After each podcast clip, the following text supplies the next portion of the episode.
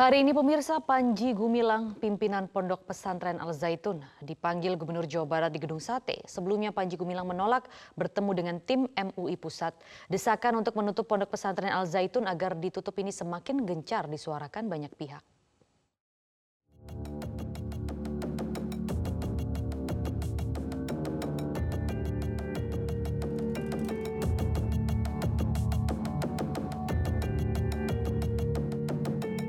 Pemerintah bergerak cepat merespon berbagai laporan dugaan penyimpangan di Pondok Pesantren Al Zaitun Indramayu, Jawa Barat. Hari ini, Pemprov Jawa Barat memfasilitasi pertemuan antara pimpinan Pondok Pesantren Al Zaitun, Panji Gumilang dengan tim MUI Pusat. Panji akan dimintai keterangan terkait berbagai kejadian yang kontroversial di Ponpes Al Zaitun. Menko Polhukam Mahfud MD di sela paparan kuliah umumnya di Universitas Pasundan Bandung, Jawa Barat menyebut pihaknya akan segera merespon perihal Wakil Presiden Kiai Haji Maruf Amin terkait pondok pesantren Al Zaitun yang disebut menyimpang dari ajaran Islam. Jika nantinya terbukti adanya pelanggaran tentunya akan ada sanksi tegas yang diterapkan. Kita sedang mendalami akan ada tindakan tegas, Prof, jika ada pelanggaran. Dia masih di dalam. Kalau ada pelanggaran kan siapa pun di seluruh Indonesia. Tapi apa betul ada pelanggaran? Sementara itu Menko PMK Muhajir Effendi menyebut, hingga saat ini pemerintah masih membuka kesempatan pihak Ponpes Al Zaitun untuk menjelaskan mengenai kurikulum pembelajaran yang diterapkan. Klarifikasi dari Al Zaitun juga penting untuk dilakukan karena Muhajir melihat permasalahan ini adalah hal yang sensitif. Ya masih kita tampung lah suara-suara baik dari pihak Zaitun sendiri akan kita mintai keterangan lagi. Kemudian pendapat-pendapat usulan dari pihak luar juga harus kita perhatikan. Tapi ini kan menyangkut masalah yang cukup sensitif dan kompleks, menyangkut banyak orang. Karena itu kita harus hati-hati. Bahkan, tim dari MUI Pusat dan MUI Provinsi Jawa Barat yang sedianya akan melakukan klarifikasi atau tabayun atas rangkaian polemik dan kontroversi yang mencuat di pondok pesantren pimpinan Panji Gumilang ditolak masuk kawasan pondok pesantren.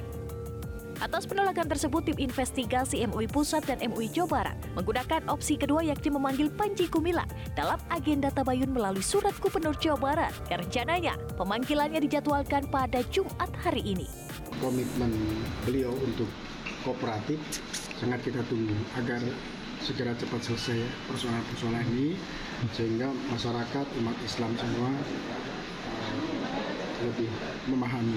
Persoalan krusial apa Pak nanti akan dibahas? Banyak. Abayun klarifikasi menyangkut yang berkaitan dengan statement beliau kan yang menimbulkan kesalahan kontroversial ya. Saya kira saya kira memang beliau harus melakukan klarifikasi.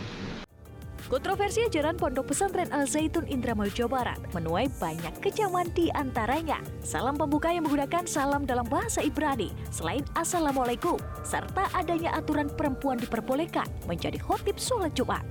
Irsa, Mabes Polri masih mendalami dugaan pidana yang terjadi di Pondok Pesantren Al Zaitun, termasuk dugaan penghinaan agama yang dilakukan pengasuh Ponpes Al Zaitun, Panji Gumilang. Pondok pesantren Al Zaitun di Indramayu, Jawa Barat menjadi sorotan usai melakukan kegiatan ibadah yang dianggap menyimpang. Salah satunya terkait pelaksanaan sholat Idul Fitri. Majelis Ulama Indonesia meminta Polri bereaksi atas kontroversi yang dilakukan pengasuh Ponpes Panji Gumilang. Sejumlah elemen masyarakat di Indramayu bahkan menggelar aksi di Ponpes Al Zaitun Kamis kemarin. Aksi ini adalah lanjutan dari aksi sebelumnya pada Kamis 15 Juni lalu. Sebelum kita membahas sejumlah kontroversi yang terjadi di Pondok Pesantren Al Zaitun, saya akan mengajak Anda untuk flashback sedikit melihat sejarah dari Pondok Pesantren Al Zaitun, Pondok Pesantren yang saat ini menuai kontroversi didirikan Yayasan Pesantren Indonesia yang dipimpin oleh Imam Suprianto atau Mbah Imam pada 1 Juni 1983 atau 40 tahun yang lalu. Al Zaitun bahkan diresmikan langsung oleh Presiden Indonesia ketiga yaitu B.J. Habibie pada tahun 1999. Dengan luas lahan mencapai 1.200 hektar, pesantren Al Zaitun memiliki kurang lebih 7.000 santri yang berasal dari berbagai wilayah di Indonesia dan negara-negara asing seperti Malaysia, Singapura, Iran, Irak, hingga Arab Saudi. Namun keberadaan Ponpes Al Zaitun sering dikaitkan dengan gerakan negara Islam Indonesia Komandemen Wilayah 9 yang jelas itu adalah kelompok radikal yang berupaya mendirikan negara Islam Indonesia. Beberapa pendiri dan pengurus pesantren diduga merupakan mantan anggota NII KW 9 yang keluar dari organisasi itu sejak 1992. Namun, pesantren ini sudah membantah soal keterkaitan mereka dengan NII KW 9 dan menyatakan bahwa mereka menganut ajaran Islam. Kita ke slide yang selanjutnya. Semakin hari rasa penasaran publik soal siapa sebenarnya sosok Panji Gumilang kian menguat. Kontroversi soal Panji Gumilang ini sebenarnya sudah berlangsung lama. Mulai dari berbagai kasus yang menyeretnya hingga isu dirinya terlibat NII yang heboh di tengah masyarakat. Panji Gumilang memiliki nama dan gelar Syekh Abdul Salam Rashidi Panji Gumilang. Lahir di Gresik pada 30 Juli tahun 1946. Panji Gumilang pernah mengenyam pendidikan di Pondok Modern Darussalam Gontor dan melanjutkan perguruan tinggi di UIN Syarif Hidayatullah.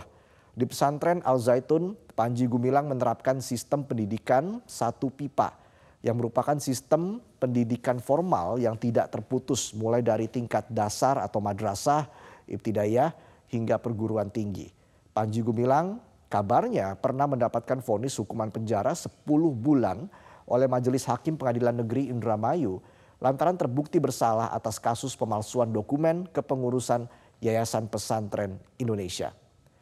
Sejumlah kegiatan dan tradisi di Ponpes Al Zaitun serta pidato pemimpinnya Panji Gumilang menimbulkan kontroversi belakangan ini.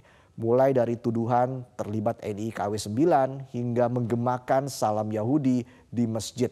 Kabarnya juga Ponpes ini berencana menjadikan wanita sebagai khotib sholat Jumat. Lebaran 2023 lalu, jagat media sosial dihebohkan dengan tata cara sholat Idul Fitri dalam jemaah Ponpes Al Zaitun. Pasalnya dalam barisan atau saf jemaah pria dan wanita bercampur. Panji Gumilang mengatakan praktek tersebut bermazhab kepada Presiden pertama Bung Karno. Menurutnya jemaah perempuan dibebaskan untuk mengambil saf depan di belakang imam sholat. Ponpes Al Zaitun kembali menuai sorotan setelah beredarnya video seorang muazin yang mengumandangkan azan sholat Jumat menghadap ke jemaah bukan ke arah kiblat. Salah seorang mantan tokoh NII, Ken Setiawan bahkan melalui podcastnya membongkar bagaimana praktik menyimpang yang dilakukan orang-orang dalam pondok pesantren Al Zaitun. Secara gamblang ia mengatakan di Ponpes Zaitun dosa zina bisa ditebus dengan uang. Sejumlah tokoh disebutkan pernah berkunjung ke Ponpes Al Zaitun. Di antaranya mantan Kepala BIN Hendro Priyono yang datang pada 13 Mei 2003 mewakili Presiden Megawati Soekarno Putri saat itu. Hendro Priyono kabarnya sempat mengeluarkan ancaman dengan kata-kata menghajar siapa saja yang melawan Al Zaitun. Lalu ada Kepala Staf Kepresidenan Muldoko yang memberikan sambutan dalam acara satu Muharram pada tanggal 30 Juli di pesantren Al Zaitun secara daring. Sementara mantan Wakil Presiden Yusuf Kala dua kali menyambangi Al Zaitun terkait pendidikan ketika masih menjabat sebagai menteri.